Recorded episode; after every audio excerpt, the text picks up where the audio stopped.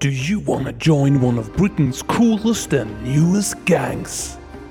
Do you speak a language that no one takes seriously? In that case, welcome to join the Welsh Mafia today. Here are some words from our existing members Gareth Bale, I like golf. Ben Davies, I like books. and Lucas Mora. Co- oh, sorry. Uh, I like. I. I. l- Bolso. No, no, no, no. Just say something that you like, Lucas. Anything. Guys, guys, guys, guys, guys. For fuck's sake, Lucas. Become a member of the Welsh Mafia today.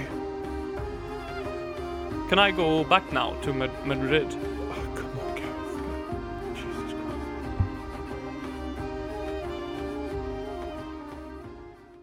This is Ledley King, and you're listening to the Ledley Kings Need podcast. Podcast. Konsekvent, inkonsekvent. Det bästa som någonsin hänt. Du kommer aldrig bli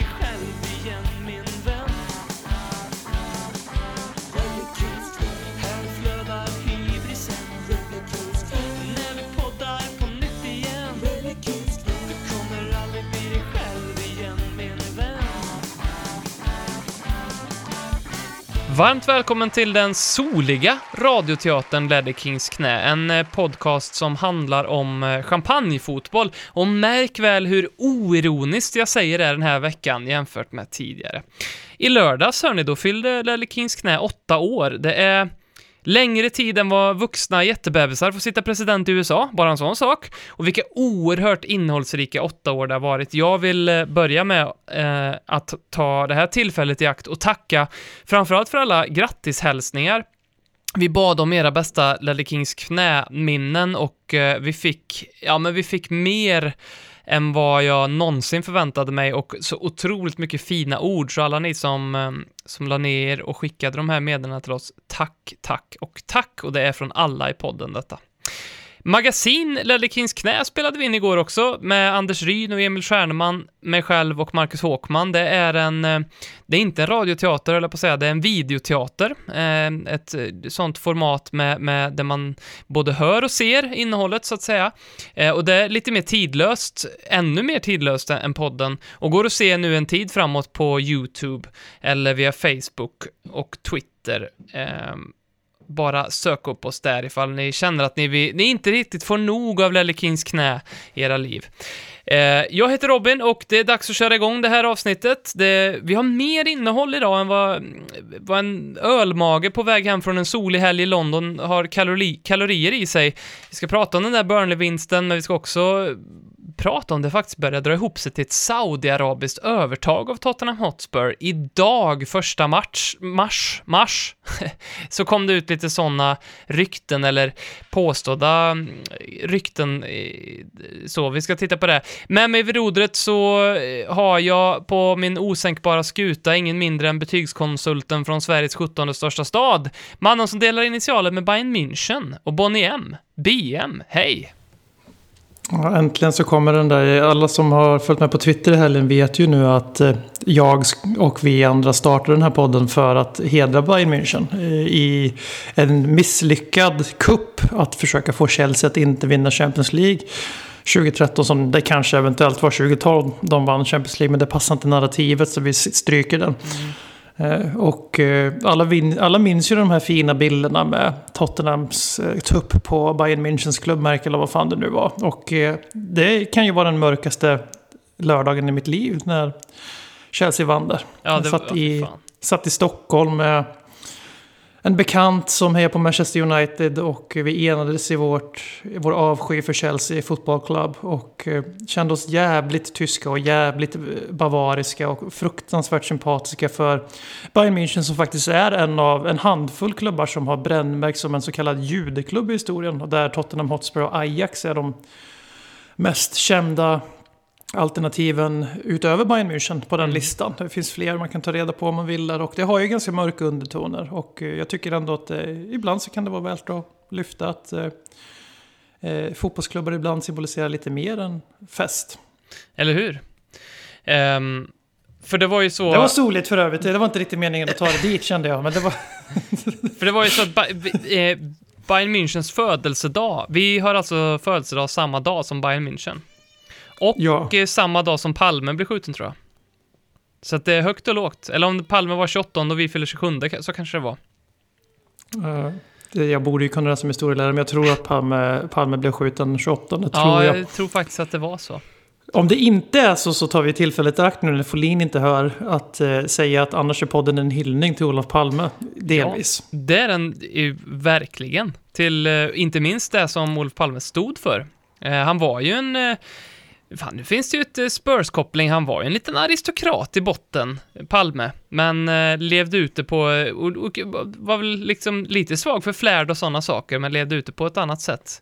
Lite Spurs-känning. Det är också lite, om man ska vara eh, krass med Tottenham, det är lite som vi i alla fall, nu pratar jag för mig själv först, men det är lite det man försöker göra Tottenham till, för det är ju en aristokratklubb så det står härliga till. Mm.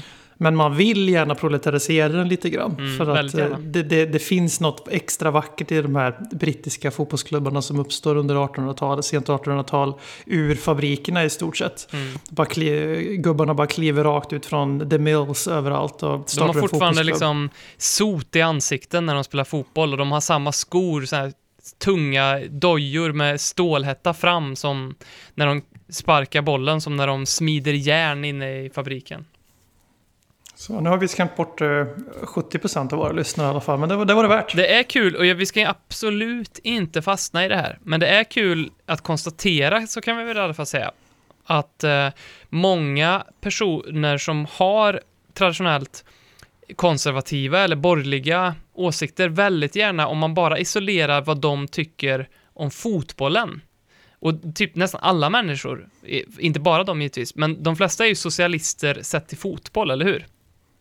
Ja, det är ju ja, det är ofta det kollektiva som sätts framför individerna. Om Ja, man jag- tänker spelare versus klubbledningar och sådär. Ja, det är ju sällan en, en kan vara en superkonservativ person, eh, skulle ju aldrig uttrycka sig typ att så här, ja, det är Daniel Levis klubb, han får göra precis vad han vill med den, go for it, det är klart att han ska kunna tjäna hur mycket han vill, annars så finns inte klubben. Det, det, det skulle ju aldrig hända att, att man säger det, utan där har man ju väldigt, och det, jag, ty, jag tycker bara att det, det, det är okej, jag, ty, jag tycker det får gärna vara lite svartvitt sådär, eller inte svartvitt, utan lite grått och Lite, lite nyanserat. Ja, nej, men det, fotboll och politik nu. Zlatan har ju varit ute och sagt eh, att eh, man ska inte tala om saker som inte hör till. Men vi i Kings knä, vi har ju alltid varit starka proponenter för att eh, varför ska man stick to sports? Framförallt om man har två medel, medelfeta vita ha- halvgubbar från olika städer i Sverige som pratar om fotboll. Har du sett för att jag har gått ner röst. 10 kilo innan du slänger ur det där medelfitt?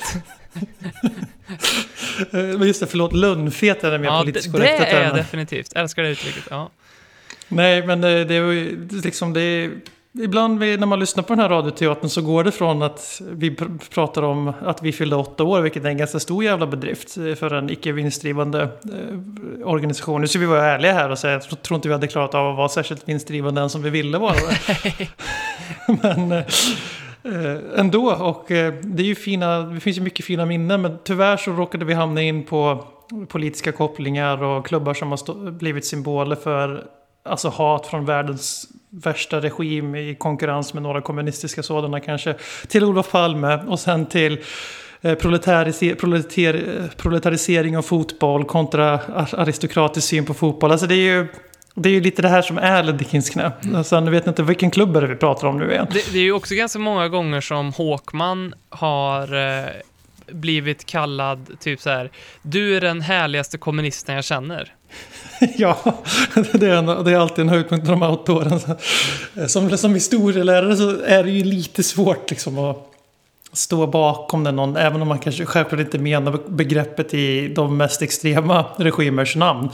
När man säger du är den härligaste kommunisten jag känner, men då tycker jag tänka så här, ja, man på en lista tillsammans med Pol Pot och Josef Stalin och Vladimir Lenin. Och, Ja. Vi eh, får väl eh, hålla oss till ämnet kanske. För ehm, idag så twittrade, vad fan heter han nu då? Sheikh Turki Al-Al-Shik ut en bild på en bok som hette The History and the Making of Tottenham Hotspur Stadium. Det här gjorde Daniel Platt. Var det inte också typ Experience Tottenham som rubrik eller titel? Just det. Ehm, Daniel Platt twittrade ut den och så skrev han också kolla upp den här killen och kolla översätt tweeten.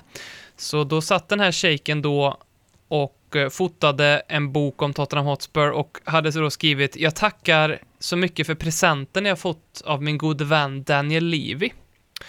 Och ehm, då börjar man ju givetvis fundera lite grann på vem är det här och vad det kan det här vara för någonting och börjar man titta lite djupare på detta så kan man ju säga att det här är ju mannen som 2017 var väl det, eller 2018, köpte Almeria i den spanska, eller Almeria, eller hur fan man nu säger det. Almeira. Almeira.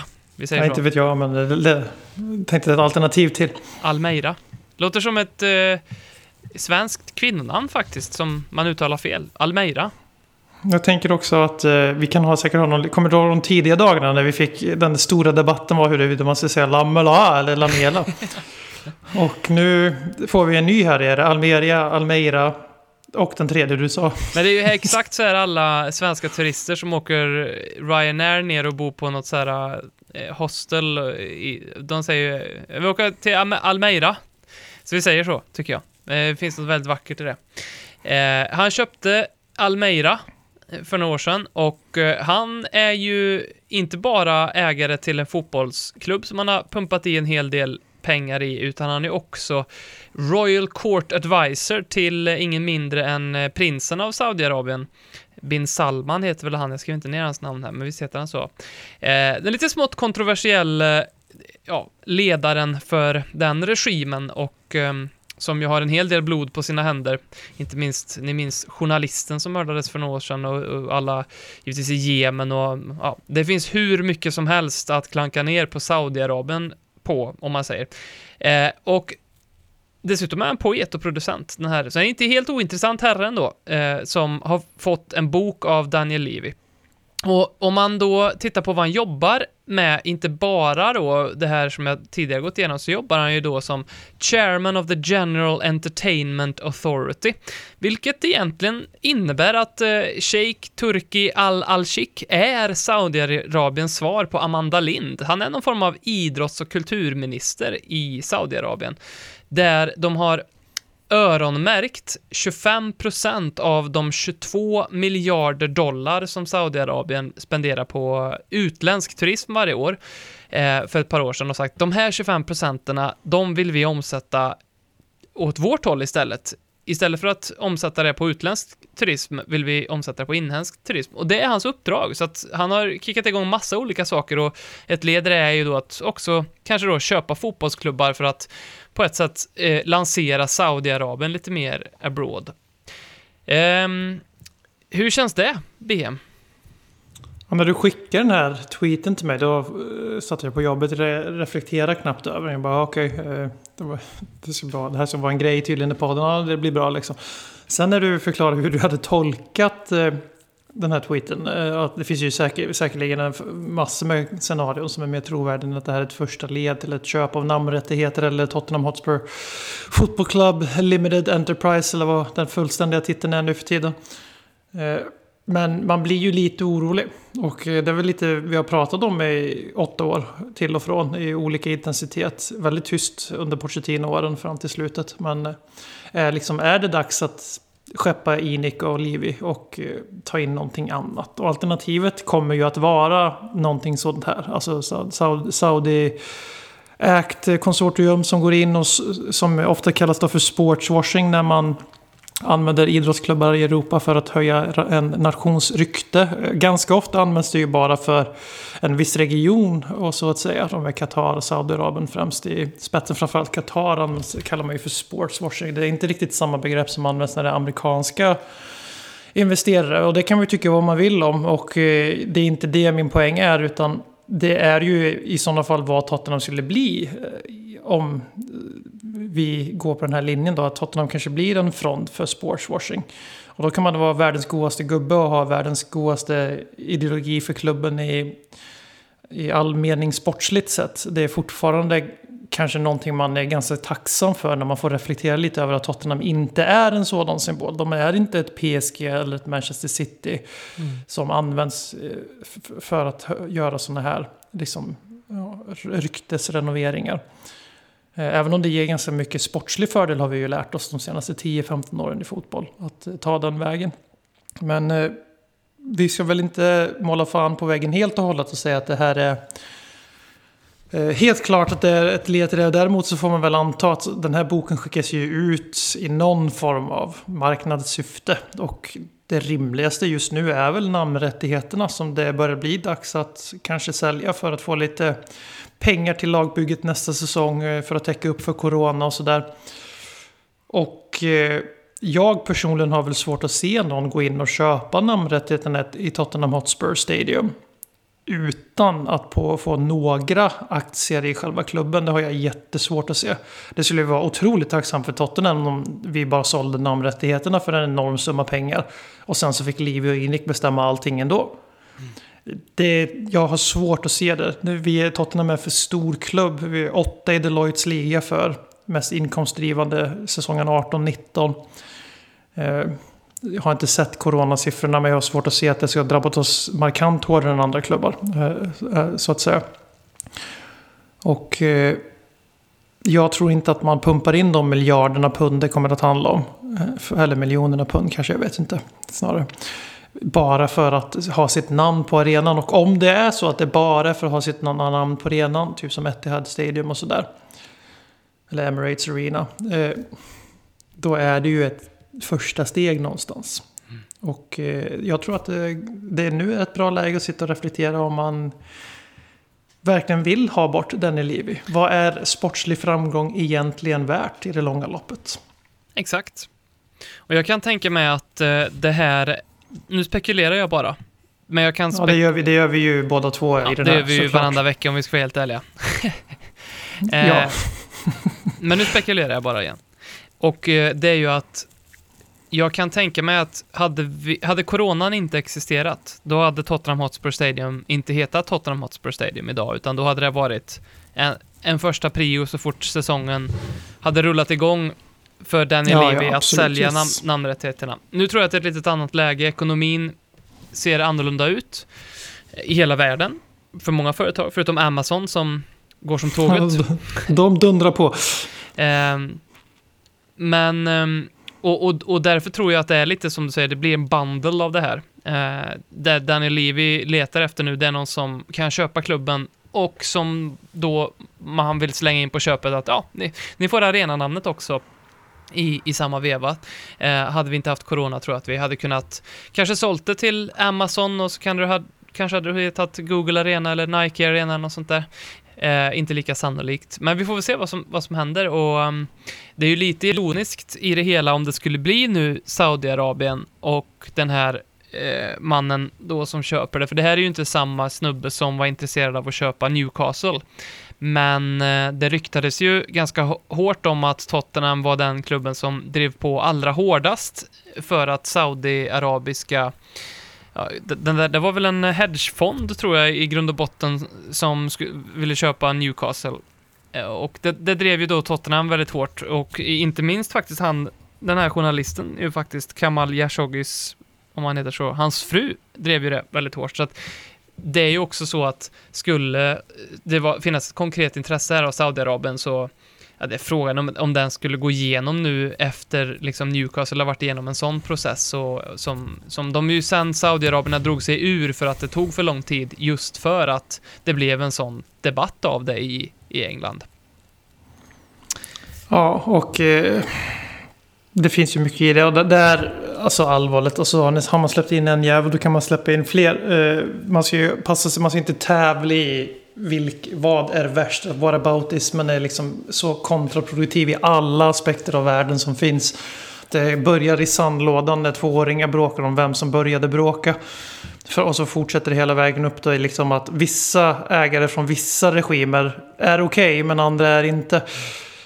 Eh, men samtidigt så min personliga åsikt i sånt här är ju jag vill ju se ett nej tack till sådana här affärer. Jag vill ju se att Qatar inte skulle få köpa nu säger jag Qatar, det är ju personer och eh, företag och, olika, och så vidare som står officiellt för de här klubbköpen. Men eh, det är mycket som tyder på att det är lite mer än så om man säger så.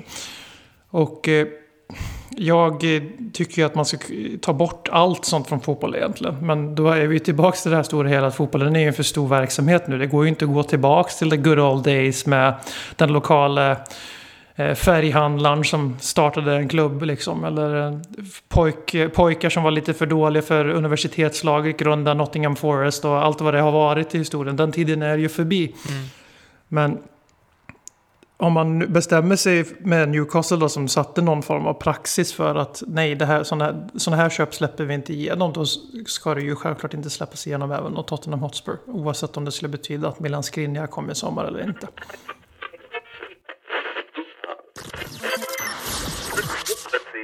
Du lyssnar på Ledley Kings knä. Du kommer aldrig bli dig själv igen. Något lite soligare är ju det att vi vann med 4-0 mot eh, Burnley. Eh, Kim Ljunggren eh, skrev så här, beskriv med ett ord vad ni tänker när ni ser Bale, Son och Lucas målfirande. Lukas. Ekströms. Kommer, du ihåg, Ekströms, ja. kommer du ihåg den gamla Ekströms-reklamen? Nej, När, när de, som Hipp Hipp gjorde narr av, när de... Det var ju ett barn som bokstaverade Ekström så här, och så skrev de en bokstav i taget så här. E... K... Och så i slutet är Ekströms. det, e- är det Ekström som gör blåbär och nyponsoppa i Tetra Pak eller? Ja, precis. Okej, okej, då, kan, då har jag någon min- minnesbild i alla fall. Alltså jag tror faktiskt att det här var mer jordgubbshållet, men eh, om vi ska vara så petiga. Men ehm, eh, det tänkte jag när jag såg det där, att de försökte stava och sen så, för Hipp Hipp gjorde ju narr av det där och så blev det något jättekonstigt eller jättelångt ord och så. Det, det kändes som att Lukas gick in för att förstöra det lite grann, eller så har han bara inte fattat vad de håller på med, så kan det också mycket väl vara. Det kan ju också vara ett, ett eh, civilkurage, liksom att bara kom igen, ni är vuxna män, vad håller ni på och slänger upp och bokstaverar Welsh Mafia? Eh, Det är så kompatibelt med Gareth Bale, den här mannen som aldrig riktigt vill bli så gammal som passet säger. Det är charmigt alltså, där, att han verkligen går runt och liksom tränar Joe och Ben hur man gör Welsh Mafia. Eh, Ben behövde ju den träningen, men Alltså, har, alltså ja, hur, vad ska vi säga om Ben Davis försök att göra ett M med sina fingrar i matchen mot Wolfsberg? Jag vet inte riktigt vad det blev. Eh, har han sett ett ett fotbollsmål M? gjorde han. Ja. Han gjorde ett fotbollsmål. Men ska vi dela ut lite solar? Eftersom att vi är en sån solig podd den här veckan. Ja, men Lucas får en sol för att Mm. eh, han, alltså han kommer ju dit och först, Bale gör Welsh Mafia och Son, Sonny gör som det börjar med sitt fina V som jag, alltså sitt målfirande som han dedikerade till en sjuk pojke där som önskade att han skulle göra så om han gjorde mål. Och sen så gjorde Bale och walesiska maffian det till sin grej och sen så Lucas kommer dit bara Lukas, Lukas, Lukas, Lukas. Och eh, det enda liksom, det är synd att han inte kan bokstavera kojs med fingrarna snabbt. Kojs, för det kojs, hade kojs, ju... kojs. Kojs, kojs, kojs. Så att han får en sol för det. Det höjde, alltså man garvar ju. Smilbanden som redan var rätt eh, uttända vid det där laget hade, ju- blev ju ännu större när man såg. Och framförallt när, det, när Bale gör mål igen och Lukas igen kommer med sitt L. För första gången då blir Bale sur på riktigt. Han kan, säga, han kan säga och snacka och skratta hur mycket han vill efter första målfirandet. Då reagerar han ju bara vad i helvete gör du? Och sen andra gången så gjorde de en grej av det. Om man får vara sån och göra en liknelse här. Du ställde frågan, vad är det värt att vi säljer våran klubb? Eh, jag kan tänka mig, för jag satt idag och tänkte säga, ja, om det är så här det ska se ut på helger då kan jag tänka mig att ha José Mourinho som tränare.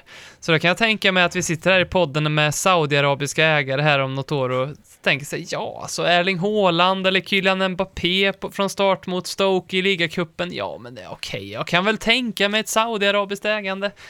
Eh, Ja men det är klart att det kommer bli så. Det är ju bara fram tills det blir officiellt man kommer vara kritisk. Och så kanske, eh, så kanske håller ut lite längre än vad United gjorde med Glazers. Kanske. man, De höll ändå ut ganska länge. man har en liten så här förhoppning på sin moral att man inte ska sluta följa Tottenham, men att man liksom på något sätt ska demonstrera sitt ogillande mot att de tar över. Men det är väl bara att fråga vilken City-supporter som helst. Petter Landén var med i den här podden för några veckor sedan och sa att ja, det är väldigt svårt för mig att, att glömma och inte tänka på när Sergio Aguero smashar in det där vin, vinnarmålet mot eh, QPR och man går och vinner ligan. Det är liksom svårt att radera det och tänka att ja, men det, så det var en upplevelse där med.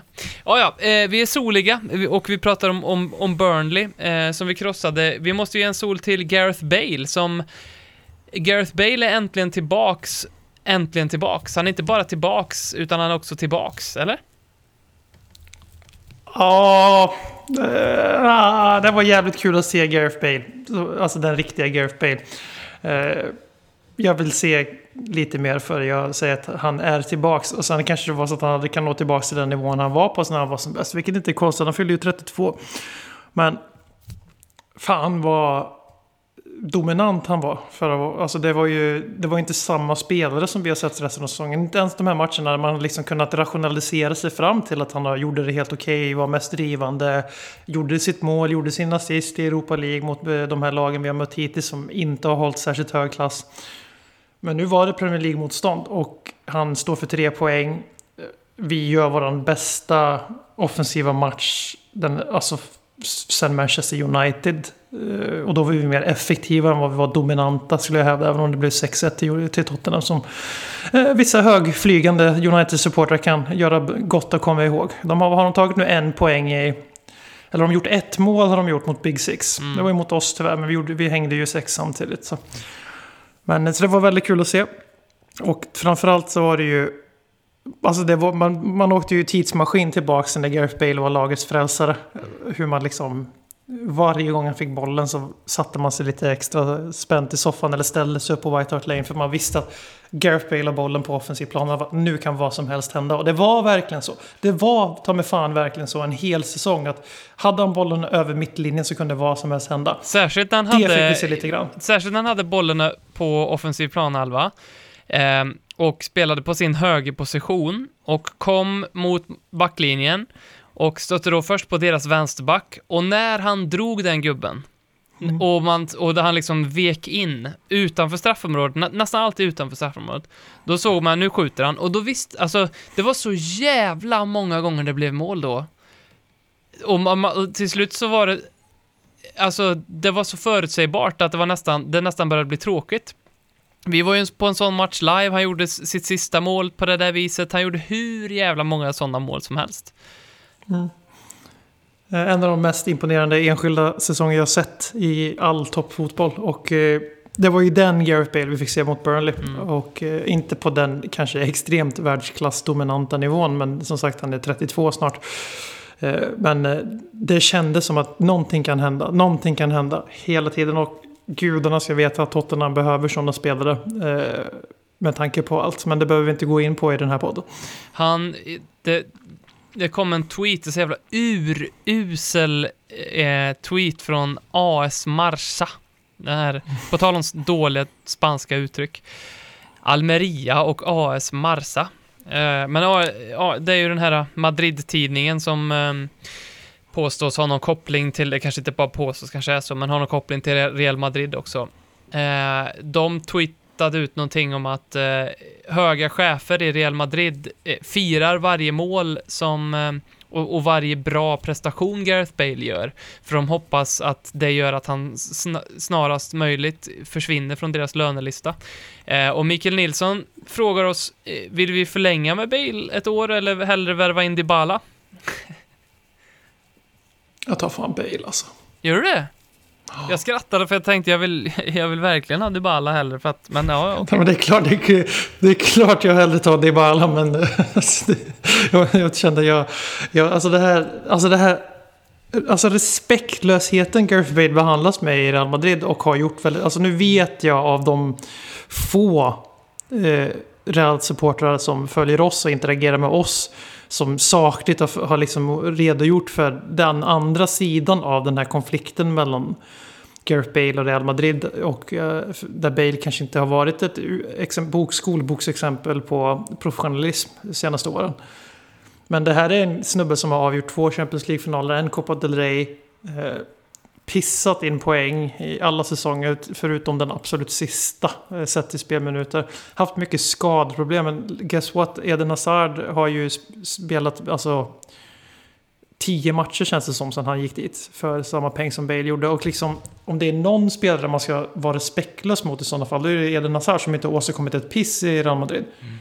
Medan Gareth Bale han har avgjort stal, st- stal scenen från Cristiano Ronaldo i två raka Champions League-finaler. Eller om det nu var två av de här tre Champions League-finalerna de vann.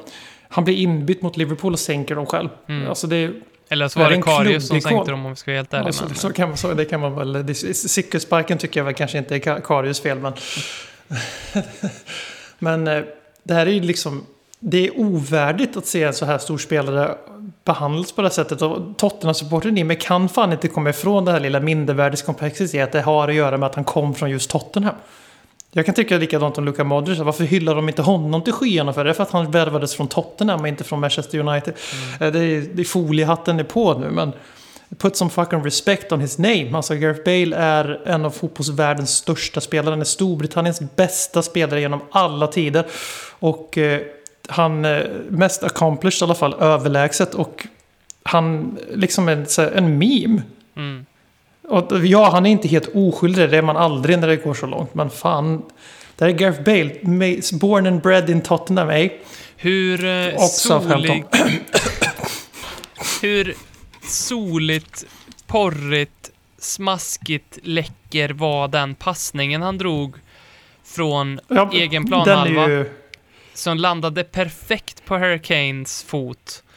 Eh, så Vi har två Kanes, vi har två Kane i laget. Eller hur? Jag, jag tänkte samma sak, bara wow, vänta lite nu. Nu fattar jag varför Mourinho vill starta med Lucas Moura i det här, för att nu har vi liksom en Bale som kan slå den där passningen också. Så att mm, jag förstår att han vill ha djupledslöpare till tusen nu. Ja, den, är helt, alltså den, den är ju betydligt mer imponerande än båda målen. Eh, men han har gjort några klassaktioner senaste veckan här. Som första målet mot Wolfsberger när han skjuter den på, i, i steget, bara smack rakt över krysset. Mm. Alltså bara, bara det där visar han liksom. Jag älskar Erik Lamela till döds. Jag eh, uppskattar Lucas Moura, människan, orimligt mycket med tanke på politiker han har liksom gett sitt stöd och så vidare. Eh, Men alltså han är ju svår att inte älska, tycker jag personligen. Jag tycker han är jättecharmig, alltid så positiv och glad och verkar tillföra jättemycket sånt i truppen. Och han Solig. gör en hel del poäng. Ja, han är solig. Han gör väldigt mycket poäng faktiskt i perioder. Eh, Och jag älskar de här spelarna som har de här skadliga, den här lilla, lilla kryptoniten i, som gör att de inte är perfekta. Den här liksom, eh, avvikelsen som gör att de är så perfekta för vårt lag.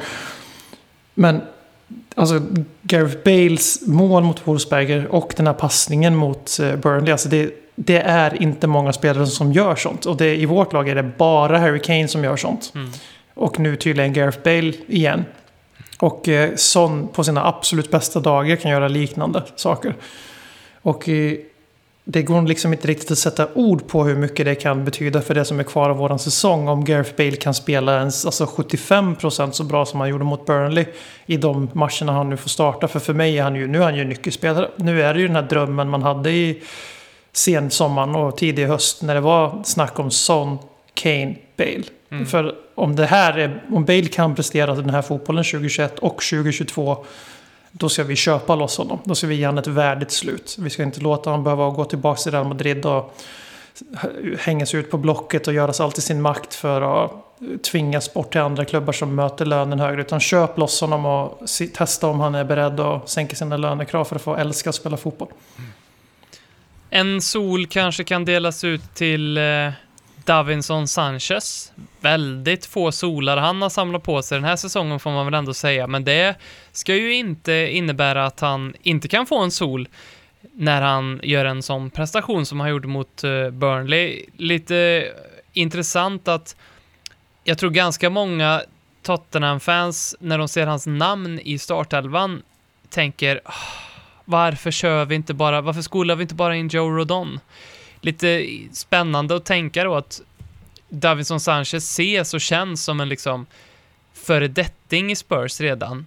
Eh, men han är ett år äldre än Joe Rodon bara och tusen gånger mer erfaren redan. Jag vet inte.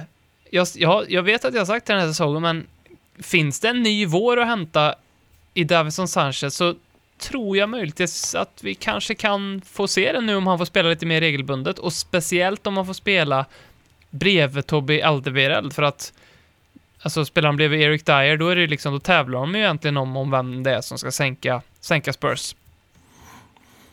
Nej, nej men alltså självklart, alltså det är killen är 24 som du säger och eh, ja, han har alltså här igen, alltså victim of his own success. Alltså han var så jävla bra i sin första säsong i trebackslinjen. Ja, jag vet att det var en trebackslinje och han spelade bredvid Prime, Vertongen och Tobbe Alderweireld som jag tror att vi kommer sitta och tänka tillbaks på om 20-30 år. Bara jävlar vad bra de två belgarna var när de var på topp båda två. Eh, jag tror inte Tottenham har haft ett bättre mittbackspar förutom eventuellt någon gång på 60-talet. Du säger alltså att Ledley Kings knä kommer fira en 28 och 38 årsdag? Ja, ja, podden, vem vet och lyssna nu. Uff, nu höll jag på att säga någonting riktigt kontroversiellt. Jag bara, vem sitter och lyssnar på? Så kommer jag på att vi är ju fan, vi är ju gamla gubbar vi är med för vissa. så, så att vi får väl se. Men eh, Davison Sanchez är väl den mest lovande mittbacken vi har av de etablerade. Eurodon, jag förstår att man går igång på. Han har en väldigt fin avancerad statistikprofil. Han har varit bra i Swansea. Men det är i Swansea. Eh, Eh, Jaffan Tanganga är egen produkt. Man vill alltid att det ska gå bra för dem. Men tills vi ser ett högre spel än vad Davidson Sanchez gjorde som 21-åring i Premier League. Då hade han också bara spelat en säsong på seniornivå i, i Europa innan det.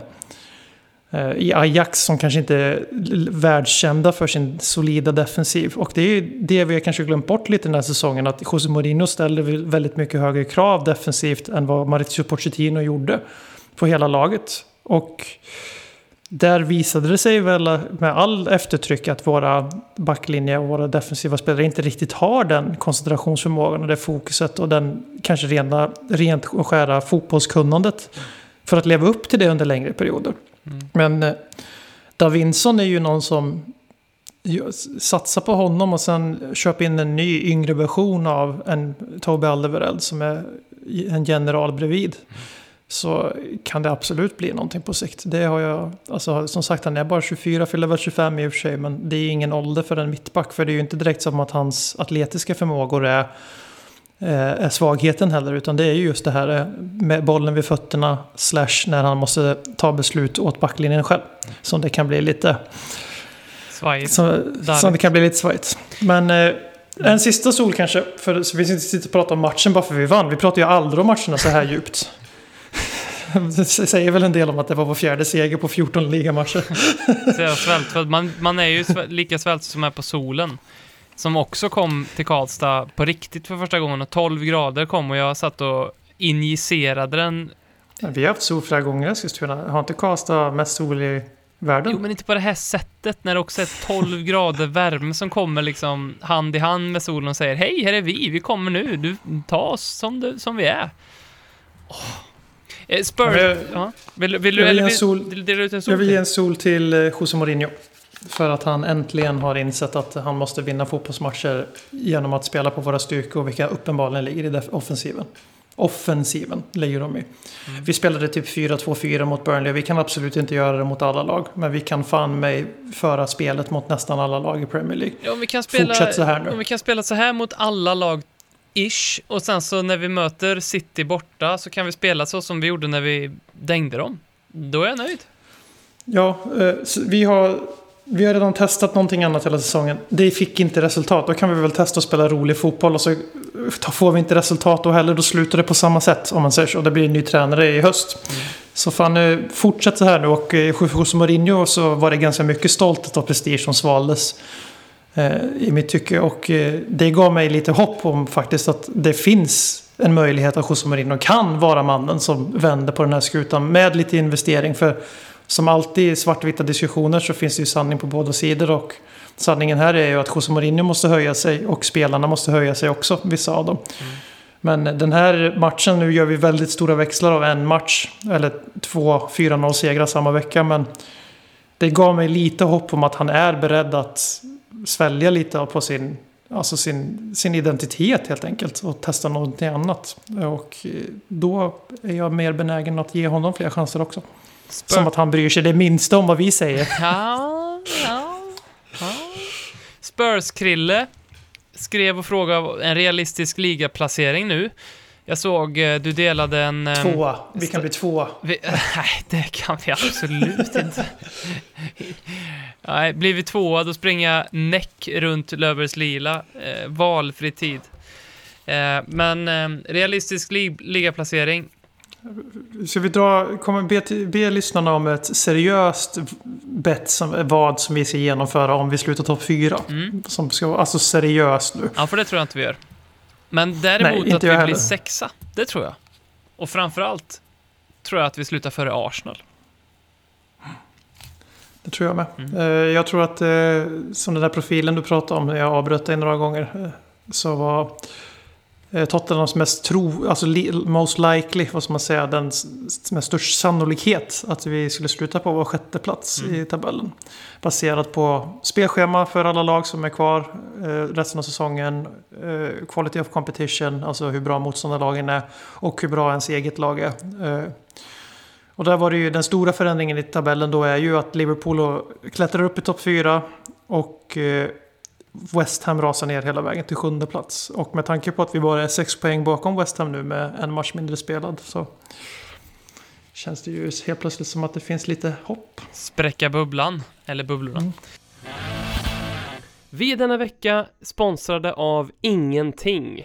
Ingenting är det bästa alternativet där ute för dig med sunt förnuft som skyr saker som spelbolagsreklam eller 15% på redan alldeles för dyra kläder som ingen kommer bry sig om om ett halvår ändå. Gå inte in på någon hemsida och framförallt uppge ingen rabattkod. Kom ihåg, livet är mer än konsumtion. Tack, Ingenting. På tal om ehm, detta, om att hamna på en plats. Eller så. Du får bara svara ja eller nej nu. Först, och sen så har vi en diskussion. Ja eller nej? Att vinna Europa League, är det en större bedrift än att komma tvåa i Champions League? Ja, Att vinna Championship, är det en större bedrift än att komma tvåa i Premier League? jag måste ju säga ja men jag tycker nej. Jag säger vad du tycker. Att vinna Audi Cup, är det en större bedrift än att komma tvåa i ligacupen? Fan vad hårfint. Kanske. Att vinna fotbolls-EM, är det en större bedrift än att komma tvåa i VM? Hårfint igen. Kanske. Att vinna klubblagsfotbolls-VM, är det en större bedrift än att komma tvåa i Europa League? Nej. Att vinna en rättslig tvist i en husaffär, är det en större bedrift än att komma tvåa i ett president... Nej, det här var till en annan podd, förlåt. Ehm, ja, Eh, Ni som kan våran tagline kommer se ett mönster i mina svar där. Konsekvent, inkonsekvent. Exakt. Nu fick vi äntligen anledning till att vara det. Ehm, den här diskussionen dök ju upp ehm, just för, ja men egentligen den första frågan, för eh, eh, alltså jag tycker det är en provocerande och intressant tanke att ehm, för det var någon som skrev om vi skulle vinna Europa League den här säsongen, då skulle det här vara, det skulle vara den största bedriften Tottenham gjort i sin moderna historia. Och då var det någon som kontrade direkt med nej, det skulle det inte. Vi kom tvåa i Champions League. Det är den största bedriften i Tottenhams historia. Och det är ju intressant, för man kan vrida och vända på det. Jag håller nog, jag håller nog personligen, alltså, men det är ju för att jag är supporter och att jag firar ju ett, jag, jag har ju svårt att liksom, ja ja, men vi kommer ju ändå tvåa i Champions League. Det elementet finns ju ändå som Tottenham-supporter, för man satt ju och tänkte, vad är det som händer? Sitter jag verkligen här i juni och tittar på en Champions League-final med Tottenham? Så att det var man ju faktiskt tacksam för. Vi Jag, kommer alltid ha de 57 sekunderna. ja, precis. Fy fan, det är den bästa 57, eller var det inte 27? jo, det var det säkert. Fan. Bästa Något 27 mörkt. sekunderna i mitt liv. Eh, mm. Det mesta i livet varar bara 27 sekunder, höll jag på att säga. Eh, nej, men eh, vi ehm, vinner Europa League så är det en större bedrift än att komma tvåa i Champions League. Ja, ja, det tycker jag. Det tycker jag. Ja, nej, men eh, alltså det är ju... Som sagt, jag har tänkt mycket på det här. Det, det ploppar ju upp i Paris Pågar. Det kom någon annanstans ifrån på Twitter först, tror jag. Eh, För övrigt vill ni starta en egen podd, skapa ett Twitterkonto och häng på WhatsApp så behöver ni inte komma på eget content. Nej, lite lat har man blivit. man, hinner ju inte, man hinner ju inte tänka ut egna saker heller. Eftersom det går så snabbt i dagens värld. Men eh, det är ju så här alltså att Champions League-säsongen 2019 är inte vilken Champions League-säsong som helst. För att för det första Tottenham gick till sin första final i Champions League.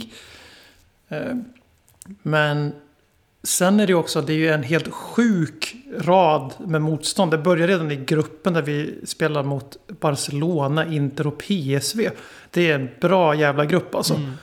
Eh, Vi, kom ihåg att efter tre, efter när, serien vände så att säga så var vi ju helt körda. Ja, var det inte, var ju så- liksom- ja, då hade vi väl, då var det väl någon som räknade ut typ att så här, det hade bara, det hände bara alltså det typ var typ så här 8% sannolikhet att vi i det scenariot skulle gå vidare, för vi hade ju typ noll poäng efter, eller hade vi ett poäng? Här? hade, vi, hade väl, eh, vi hade väl ett kryss mot PSV. Ja, Eh, efter tre Sen förlust mot Inter, utspelade på Wembley och Barca. Mm.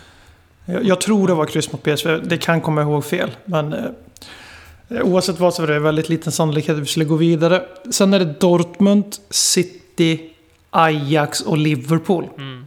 Det är inte, alltså Ajax, det Ajax-laget var ju inte direkt Ajax så som vi känner Ajax på 2000-talet. Liksom ett charmigt lag som kan sticka upp en Europa League. Det här var ju vidareutveckling på deras Europa League-lag som spelar Europa League-final mot Manchester United och José Mourinho bara något år tidigare. Eh, Det här var ju deras version 2.0 2.0 som sålde de Jong till Barcelona för miljarden. De som sålde eh, Davison Sanchez till oss eh, var ju Europa League-laget. Nivån, skillnaden på de två försäljningarna efter till Juventus och yes, Ziyech eh, Van till de Beek till eh, Manchester United och fan och hans moster. Men så det är, alltså, det är en helt sjuk eh, resa till finalen också. Det är inte som vår Europa League-säsong hittills har varit med världens jäkla autobahn raka vägen fram till eh, jag säger fan mig till kvartsfinal för all respekt till Dinamo Zagreb men det är ett lag Tottenham Hotspur ska slå. Punkt slut på meddelande.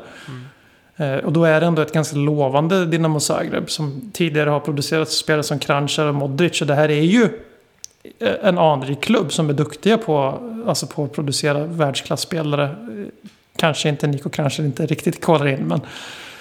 eh, Så man, jag förstår den biten.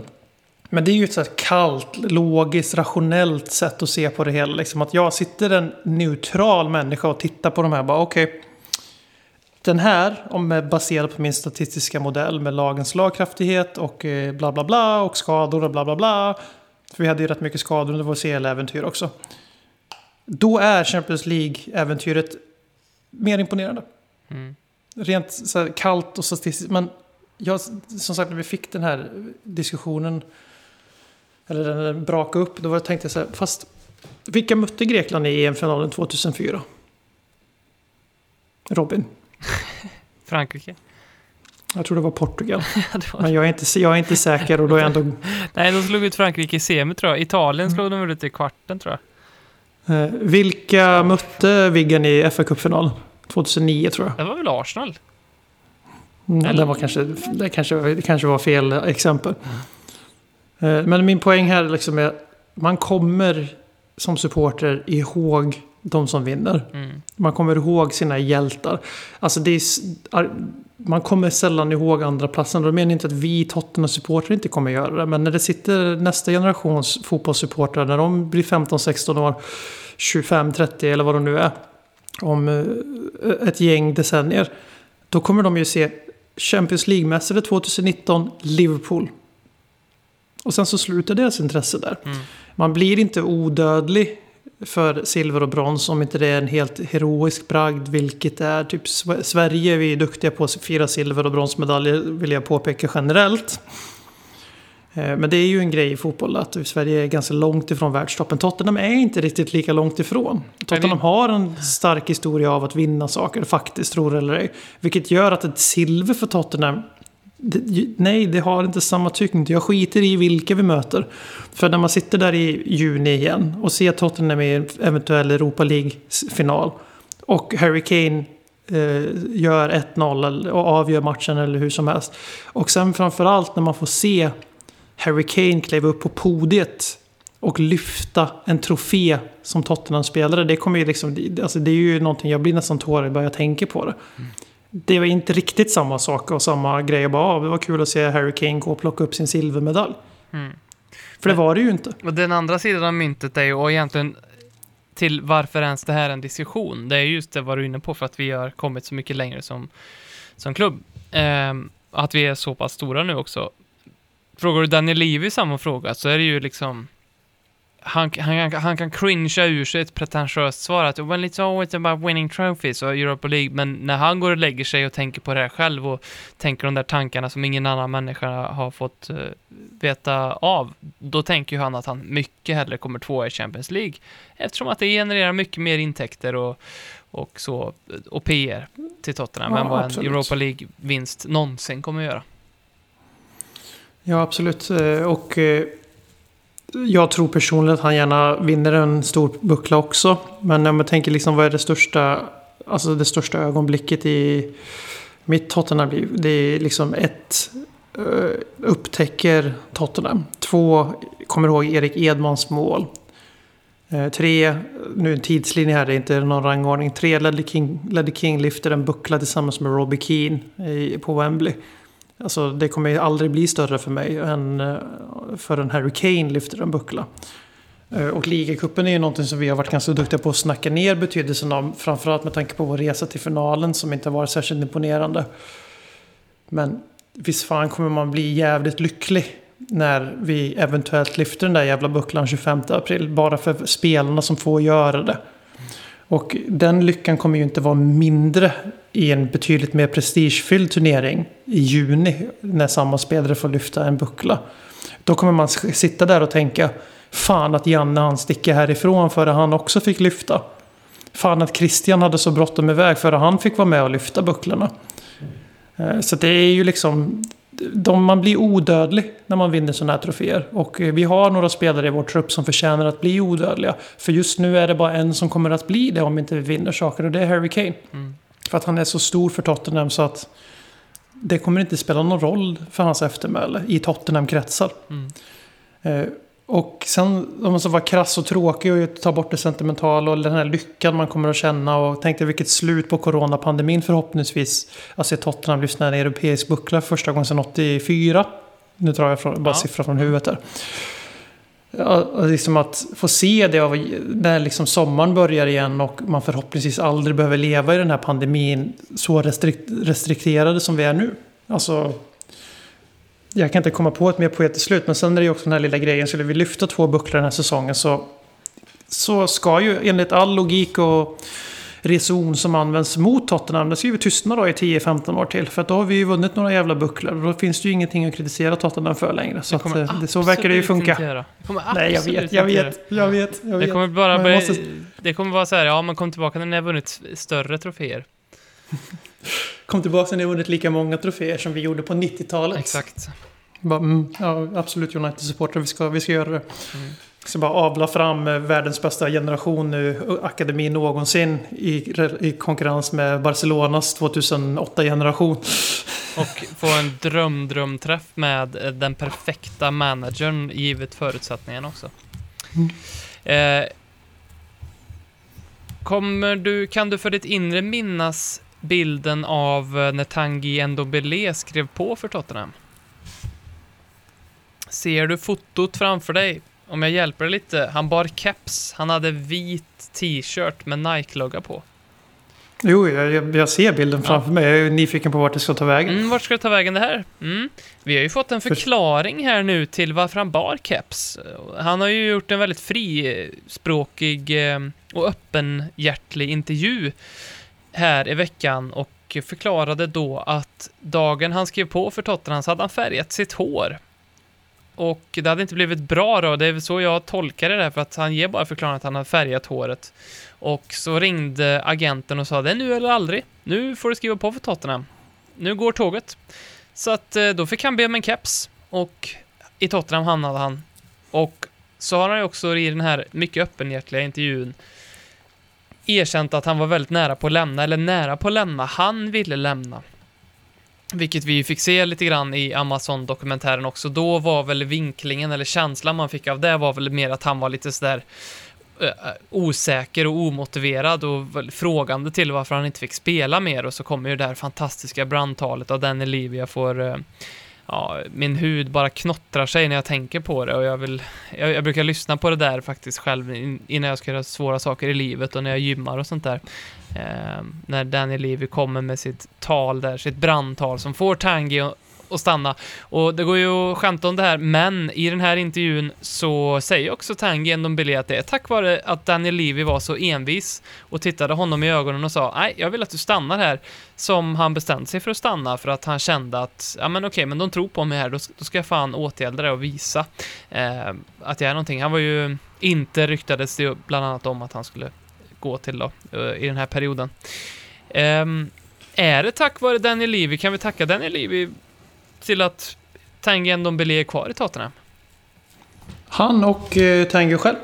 Eh, som lyckades motbevisa Mourinho. Det här är ju en av två eh, fotbollsbohemer och konstnärer som har gladeligen skeppats av våran manager. Men som har stannat i dörren av våran eh, sportchef slash chairman slash owner slash scout slash motivationscoach slash Slash ansvarig Livscoach. för eh, etablering av nya partnerskap i Mellanöstern. Slash batterisponsor. ja, just Och eh, Äntligen fick vi den där, jävlar vad jag har tänkt på det där att vi borde ha en batterisponsor. Men fick vi. Ja, gött. Jag är faktiskt uppriktigt förvånad över att de, de andra så här liksom, okej, tröjärmsponsor var väl på väg. De passar på nu när man kan skylla på corona när man förstör tröjor ännu mer. Eh, och sen andra så här sponsoravtal vi har med spelbolag sånt, det är ju vidrigt men det finns ju det finns ju liksom etablerat i fotbollsvärlden om man säger så. Men jag har med fan aldrig hört talas om officiella batterisponsorer för fotbollslag. Så vi bryter ny mark för vi är Tottenham Hotspur. Det är vad vi gör. Men Och du vet, vet, Robin, vet du, för, vet du vad året slutar på 2021? vad var året slutar på? The year ends in... One. Ja, och vare sig vi vinner någon jävla buckla eller inte 2021 så har vi ju säkrat någonting unikt 2021. Ja, men precis. Med batteri. Vi var, ju, vi var ju på det i magasinet där också, men att det är ju i vårt DNA lite grann i Tottenham att, att vara först med saker. Första engelska lag att vinna i Europa till exempel. Och vi, var, vi har varit först med många, många, många saker. Vilket jag fan är stolt över. Jag Att gillar det. värva argentinare. Arriba! Ja, som ett exempel. Men också första batterisponsor. Men nu kan jag exklusivt, det här hade jag glömt skriva upp, jag hade tänkt ta upp det tidigare i podden. Nu kommer ett exklusivt, innan du fortsätter det som egentligen är det vi pratar om, eh, så ska jag säga ett exklusivt, ja vad ska man säga, avslöjande om hur Tottenhams tröjor säsongen 2021-2022 kommer se ut. Och jag kan säga att Fy fan vad snygga de är. Källor till Ledley Kings knä har läckt. Eh, googla hur våra tröjor såg ut när vi vann mot Nottingham Forest 1991 i FA-cupfinalen. Eh, för övrigt vårt senaste, vår senaste titel som inte hette ligacupen. Googla de tröjorna. Det är ungefär så, så de kommer se ut. Det kommer vara helvitt, det kommer inte finnas ett tillstymmelse till någon, några liksom så här konstiga försök med gråstänk. Det kommer inte vara något gult på tröjorna, de kommer vara helt vita. De kommer, byxorna kommer vara helt blåa. Otroligt stilrätt och snyggt nästa säsong. Vi tackar vår anonyma källa. Nu kan du få fortsätta din utläggning här om... eh, Och en spelare som förhoppningsvis kommer klä väldigt bra i den här nya tröjan är ju Tanguy Ndombele. Mm. Eh, Som eh, var på väg ut. Och man kanske, kan, man kanske får ge lite cred till José Mourinho också. Jag vet inte, det kanske, han kanske behövde en kritiker, Tanguy. Eh, Dele Alli kanske också visade sig att det var det han behövde. Eh, Jag tror ju lite mer att det här kommer bli efterhandskonstruktioner. Att den här hårda kärleken eller tough love mot de här två virtuoserna ledde till att de steppade upp. Eh, som läggs till rätta i efterhand. Men jag tror vi ska vara väldigt glada över att Danny Levy vill kämpat så hårt för att behålla de här två killarna och då framförallt en Dombele. Som har faktiskt visat att han är en nyckelspelare för oss. Och att han, varför han blev vår rekordvärvning. Eh, Och lite, jag tycker det ger lite heder tillbaks till honom. Där vi så sent som i förra podden faktiskt klädde av honom ganska mycket i formen av att han är rätt oduglig som sportchef. Men, men det kan man ju Eh. ändå säga att han är. Ja, det är klart. Ja, ja, ja. Alltså, till och med den sämsta sportchef gör fantastiska grejer och tvärtom. Mm. Så är det ju liksom. Det här är ju en gissningslek, en avancerad gissningslek hur en, hur en spelare kommer passa in i, i diverse. Och nu, nu lever vi i en, i en era av mycket analys, analys och statistik och, och, allt och underliggande saker som man kanske inte ser med blotta ögat utan eh, och så där som är nästa steg. Och det kommer ju bli någon sån här, vi har ju haft de så här klassiska videojuggen och sånt i Sverige, i svensk fotboll som de kallas i Hammarby där när man kollar på videovärvarna och vi har haft YouTube-lirare. Eh, och nu har vi de här avancerade statistikslirarna så snart kommer vi Tottenham värva någon okänd lirare som är för att de har ett bra statpack och sen så visar det sig att han kan ju inte spela fotboll.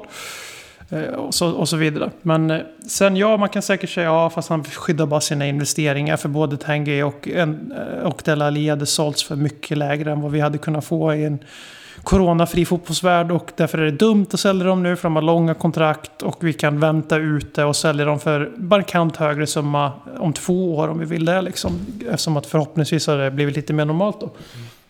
Men det var viktigt för Tottenham. En av få ljusglimtar vi har haft hela säsongen är ju faktiskt en Dombele. Och eh, det har varit en fröjd att se honom spela fotboll och eh, se honom som en av två sittande mittfältare i ett 4-2-4 mot Burnley, det var inte helt fel. Eh, en av eh, tre spelare i truppen som har världsklasspotential. Sol till Daniel Levy och sol till Tanguy Ndombele. Lite intressant att uh, Tanguy, om man på något sätt ska beskriva hans styrka som fotbollsspelare så är ju att han eller han skiner ju som allra mest när han ehm, är satt under press och hur han kan ta sig ur det. Och vilket ju går stick i stäv med hur hans personlighet utanför plan verkar vara. Eh, för det finns ju historier om att han när han började visa tecken på att han var en lovande fotbollsspelare då och började få lite Ja, men lite krav på sig om att träna och så här, att då han bara sjabblade bort det helt och hållet. Kommer till Tottenham, stor värvning, eh, mycket pengar, istället för att liksom försöka bita ihop och, och bevisa sig då. Som han sen gjorde, ska vi säga då, men det första, hans första instinkt var ju bara att gå och säga till Danley, jag drar, jag vill dra härifrån. Ehm, så att eh, intressant hur han kan vara så vad ska man säga, hur hans fotbolls, hans eh, sätt att spela fotboll på kan vara så kontradikterande hur han verkar vara som person. Nu har jag dragit eh, en växel på hur han är som människa utifrån bara vad jag sett, vilket ju är eh, en härlig egenskap hos mig. Ska vi skratta åt topp 6? Absolut. Let's laugh at the top six. They are really shit.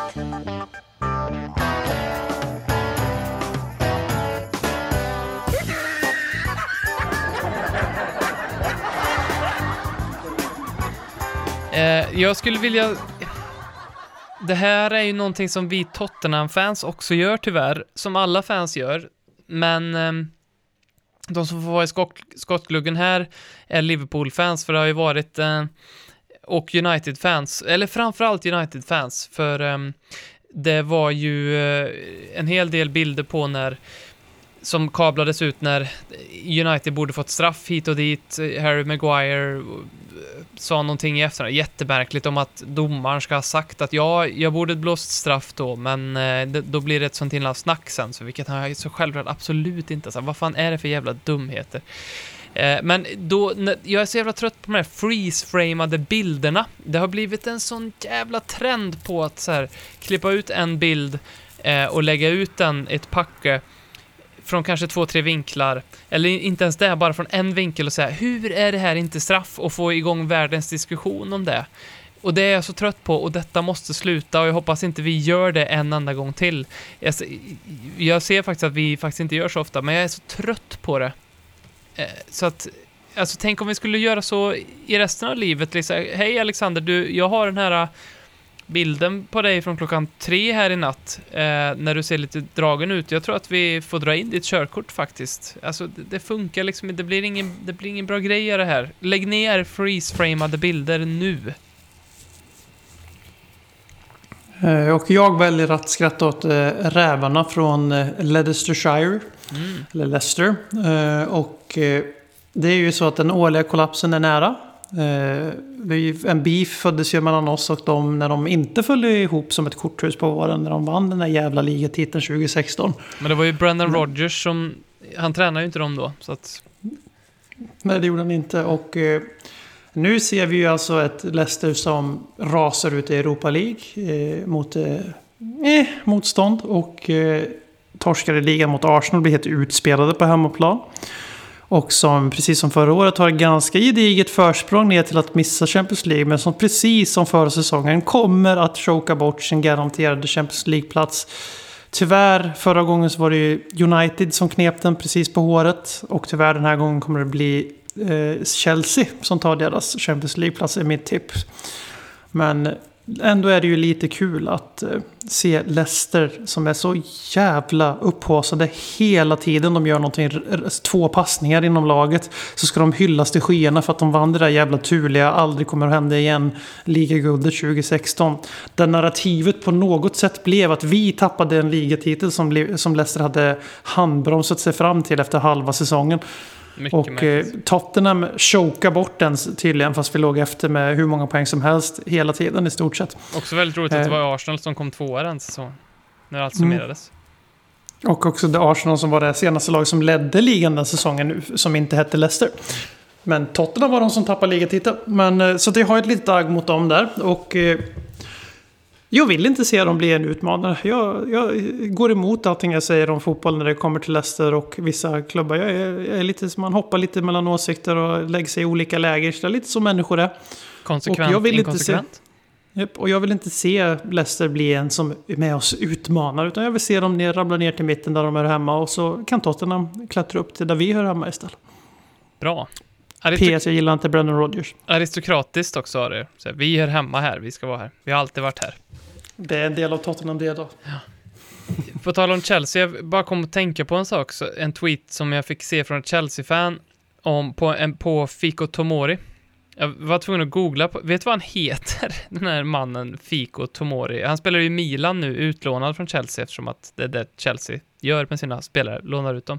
Han heter Olua Fikayomi Oluvadamilola Fikayo Tomori. Otroligt fint namn, Fiko Tomori. Eh, men eh, tweeten från eh, Chelsea-fanet jag såg var eh, en bild på Fiko Tomori på väg till match, airpods i öronen, snygg frisyr, kostym, polotröja, såg riktigt stilig liksom dressman-gubbe ut och tweeten var typ äntligen så klär sig inte Fiko Tomori längre i eh, träningsoveraller och sneakers. Äntligen har han hittat stilen och då tänker jag, det är här som vi, vi, den stora skillnaden på Chelsea-fans och Tottenham-fans blir så tydlig. För fan vad jag älskar och, och, och jag vet att alla Tottenham-fans också älskar när Luka Modric och Niko Kranjar kommer med sitt nyvakna lilla hår och luktar svettigt i ljumsken i sina liksom prassliga träningsoveraller till match. Det är så läckert, det är så man vill att fotbollsspelarna ska se ut, vad fan. Ja. Vi avslutar med lite lyssnarfrågor. You Me Spurs. Om ni fick göra en chimär, hybrid eller Frankenstein av de bästa egenskaperna från två Spurs-spelare, vilka skulle det vara? Mitt förslag skulle vara Ben Davis och Lucas Mora, alltså en Luben Damoris. Även en Stivusa Sisovan, Sisovin, vore brutalt bra. Jag vet inte varför han vill slå ihop Ben Davis och Lucas Mora. Vad fan får, alltså vad får man för fotbollsspelare då egentligen? Någon som är väldigt snabb, tvåfotad och eh, hoppar högt. Ja, I och för sig, det låter ju faktiskt ganska bra. Men Som springer Ja, jag in tar- i folk hela tiden. Jag tar eh, Erik Lamelas hjärta med Harry Kanes kunnande. Oh. Ja, den är stark. Den perfekta fotbollsspelaren även känt som. Då tar jag Tobinson Alderches. Han får Davinson Sanchez fysik och sen så får han Toby Alderweirelds frippa. Tatuering på Vårfrukatedralen i Antwerpen och framförallt spelförståelse. Det är en också. En väl, det är Leddy King, Leddy Ja. King förutom frippan, tatueringen och det där. Levi King skulle aldrig tatuera sig. Åh gud, det, han har aldrig varit så långt ifrån att göra någonting som... Ja, och Nej, definitivt han inget jävla byggnad. På sin höjd så här, systerns eller dotterns namn eller något sånt i Ja. den stilen liksom. Ja, knappt. Eh, Oskar G, minns du detta? Han skriver, vilken match var det som en Spurs-spelare räddade bollen på mållinjen med Sulan liggandes i mål, men domaren ändå blåste för mål? Och vem var spök? Chelsea, Chelsea FA Cup-semifinal med Harry Redknapp va? Var det det? Var det... Var det... Ja, jag tänkte... Jag trodde det var Harry Leo Gomez som gjorde detta. Jag vill minnas att det var att de fick ett spökmål i en, Mm. eh, en av FA Cup-semifinalerna vi har torskat mot dem på 2010-talet. Så Jag, jag vill minnas det så. Men eh, jag kan, kan inte komma på spelen. Ja, det, det var ju väl också så att Frank Lampard gjorde målet och att liksom drevet som gick igång var att ja, nu, nu är det äntligen rättvisa för Frank Lampards spökmål som inte blev mål i VM mot Tyskland, det där han gjorde direkt efter avspark. Och alla Tottenham-fans tänkte bara, vad, vadå för jävla rättvisa? Hallå, hallå, vi finns också. Tyskland som fick sin rättvisa eh, sent om sidor snarare. Precis. Ehm, och då får vi besvara Allan Josefs fråga om vi är en världsklass mittback ifrån att vara ostoppbara med ja. Tänk dig Tobinson Sanchez. Tillsammans med Eric Dyer. Tobinson Sanchez med, eh, med en av halvorna i hans namn räcker väl gott och väl. För att eh, fan alltså det, det, det laget som Ja. spelar mot Burnley. Får vi möta Burnley 38 omgångar med det laget och Tobinson Sanchez. Eller Sanchez Vereld. Då. Då kan Arsenals gamla Invincible-rekord gå och dra och lägga något gammalt över sig. ja, då tar vi inte hälften kryss heller. Nej, då är det ju bara 38 vinster. Målskillnad 145-0. Otroligt. Ehm, det här är en intressant fråga och det är, det är otroligt att inte vi har fått den här frågan tidigare på den från Anton. Vilken är vår sämsta möjliga elva? Det känns som vår bästa möjliga elva ganska självklar, så vill jag veta vilken vår sämsta möjliga elva är. Så det får vi väl ta ut tycker jag. Joe Hart. Eller Paolo Gazzaniga? Joe Hart. Ja, det är nog Joe Hart faktiskt. Eh, Doherty ändå. Serge när han har en dålig dag. Ja, när de har en dålig dag de två, ja då är fan frågan vem som är sämst alltså. Ja, vi får, ja, vi får, ju- alltså om jag tänker bara absolut... Doherty har fortfarande inte gjort det. Han har inte hockeytacklat en Leicester-spelare Nej, i okej. ryggen i straffområdet. Men egentligen så är ju Doherty en sämre spelare 2021. Det går Mm. inte... Det är ju, eh, men tur att han bara kostar 10 miljoner pund och sen 6 miljoner pund i Mendes ficka. Det var ju skönt. Inte 45 typ. Eh, mittbackar, där har vi... Nej, Eric Dyer måste ju spela där. Det känns så elakt. och Det, det är ju Eric Dyer. Ja, men om det är, alltså vi, det är lite dåligt av oss att inte vi har varit mer kritiska mot Eric Dyer den här säsongen, men det är ju för att vi har varit så upptagna av José Mourinho, men det är ju inte en bra mittback, det är det inte. Jag vill ju så gärna gärna att han ska vara bra. Men han är... Han och några till är inte bra nog. Och det är, inte, det är fortfarande huvudtränarens ansvar att få en trupp att prestera bättre än vad, den, än vad den är på papper i Tottenham och vi ska tävla. Men det behöver inte dra i 15 varv. Men i den ande- andemeningen då så får vi ta alltså Davison Sanchez den här säsongen bredvid. Mm. Eh, För det känns taskigt att slänga in slänga in eh, Rodon eller Tanganga där. För de har ju inte varit... Alltså, de har, inte fått, de har ju fått spela för lite för man det blir brännmärkande bara. Ja. Ben Eh, Davis får kan- bli vänsterback, det är väl... Ja, eh, man kan ju liksom, visst man kan ju slänga in Sirkin och sådana här unga spelare som vi aldrig sett. Men det är ju också väldigt missvisande. Så det blir ju väldigt viktigt att belysa en, en formsvag och okoncentrerad Serge tillsammans med Eric Dyer. Eh, Davison Sanchez och Ben Davis, det är backlinjen. De skyddas av Harry Winks och Moses Sissoko. Ja. Jag tror inte det behövs diskuteras. Nej, nej, nej, det är bara jag är helt med dig på det. Sen blir det svårt, men Lucas Mora har ju definitivt en av platserna. Eh, ja, Gareth Bale hade också en plats fram till för en och en halv vecka sedan. Ja, men det, det han, Helt klart. han måste ju spela där, för att han har ju varit sämst fram Ja, till, till alltså, nu. Visst, han har också gjort, haft den bästa matchen, någon av alternativen som är Steven Bergwijn och eh, Reklamela eh, och Giovanni Lo Celso. Får man väl lov att säga, men han får prestera lite bättre än två riktigt fina matcher. Så plockar vi bort han snabbt och stoppar in en av Lamela och Lo Celso antar jag. Eh, Ja, det vi skulle det kunna måste- göra är också att... Ja, Lo Celso måste ju in, men... Det vi skulle kunna göra är att ha Dele Alli som innermitt istället, för där har han inte varit speciellt bra. Så har vi Moussa Sissoko som högerytter, för det var han ju, och det var ju helt jävla bedrövligt det. Jag tänker annars att den osynliga mannen Bergwijn som Ja. man typ inte ens reagerar på, inte är med i matchtrupper och sånt där. Jag tycker inte att han är så dålig, men... Han har väl samtidigt gjort noll mål och alla andra har gjort betydligt fler. Eh, Så jag vet inte. Annars är ju Moussa Sissoko som högerytter och Della Ali och eh, Harry Wings som centralt mittfält. Det laget skulle förlora många Ja, matcher. Eh, och sen på, i, på topp, då blir det ju svårt. Ja, det får bli Carlos Vinicius. Vi har, inget, vi har inte så mycket att välja på känner jag. Vi kan inte ta Scarlett. Han har ju faktiskt varit bra det lilla han får Ja, spela. ja. Det har ju Vinicius också varit vill jag också hävda. Vi får kalla han Troy Parrott och sätta han på topp. Ja. Där har du någon som är iskall just nu. Eh, Vi, vi nöjer oss med Kallas och då blir det ju, om man, alltså vad blir laget då? Det blir Serge, eh, Dyer, Davy, Benka, Delle, Winks, Sissoko, eh, Bale och vill vi ha Lucas eller Bergwine? Äh, Lucas var ändå. Ja, vi tar Lucas. Tror faktiskt. Eh, och eh, Carlos Ja, Vinicius, det är- och ska man, vara ska man vara helt ärlig, det där är vår sämsta elva vi kan komma på just nu. Den elvan hade slutat ungefär 8, 9, 10 i Premier League, jag är ganska säker på. Så det- jag, jag, jag skulle tro att vi har typ har startat sådär någon match i Europa League den här säsongen och typ vunnit med såhär inte, långt, 6-0 inte långt ifrån i alla fall. Så att, eh, hmm, Mm. truppen kanske inte är så pissusig som vi tror. Sista frågan från El Jocko. Eh, vad har vi för känslor kring Hagfors? Att deras, deras eh, dialekt är jävligt svårförstådd alltså. Mm, det är en sorts värmländska, jag ska inte ge mig på den, men googla. De klipper ljud. Eh, De klipper bort med ljud i, när, när de pratar. Mm.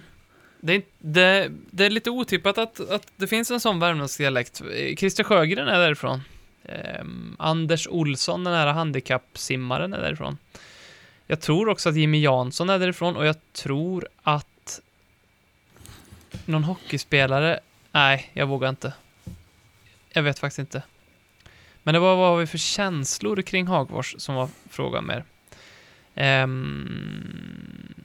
Har aldrig varit där jag tror att om jag träffar en person och för första gången och jag får reda på att den är vörpen i Hagfors, som man kan säga, så ehm, då, då vet jag direkt att det här blir ett bra samtal. Det här, det här blir enkelt. Här, behöver, här finns det liksom inga låtsas... Här är det inte konstigheter. Här är en spade en spade och snus är snus och folk är folk liksom. Det här är enkelt. Och om jag dessutom då skulle ta med mig den här personen ut och supa, då skulle jag vakna upp dagen efter med en fruktansvärd bakfylla. Det är väl vad jag har för känslor kring Hagfors. Det är en väldigt, väldigt liten ort i Värmland. Jag kan inte tänka mig att det bor speciellt mycket mer än 10 000 pers där. Det är väl det här äh, bruket som de har liksom.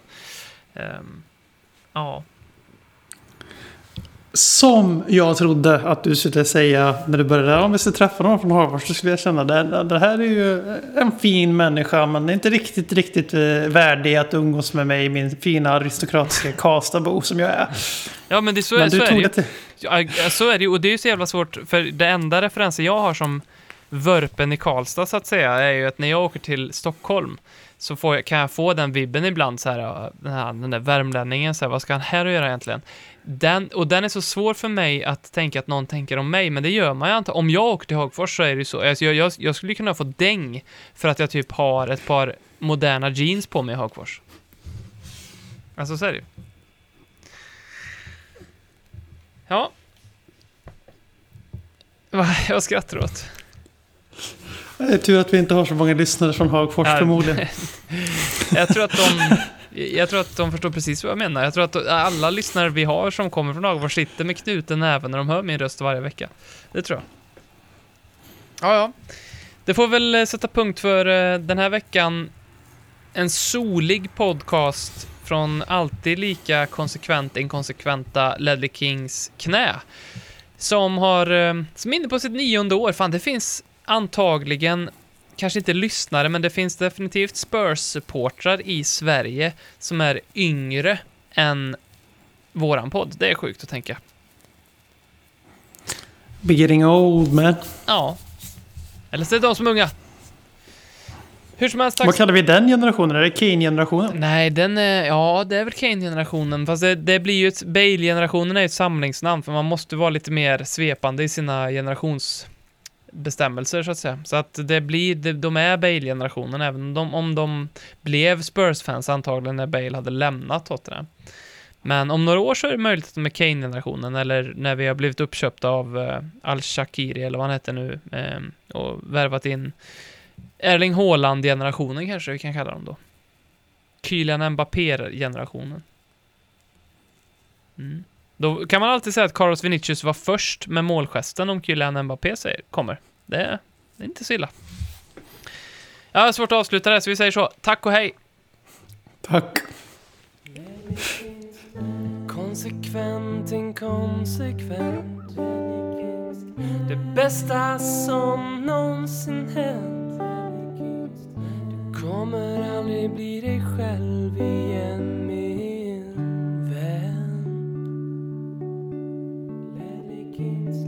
Här flödar hybrisen. När vi poddar på nytt igen. Du kommer aldrig bli dig själv igen.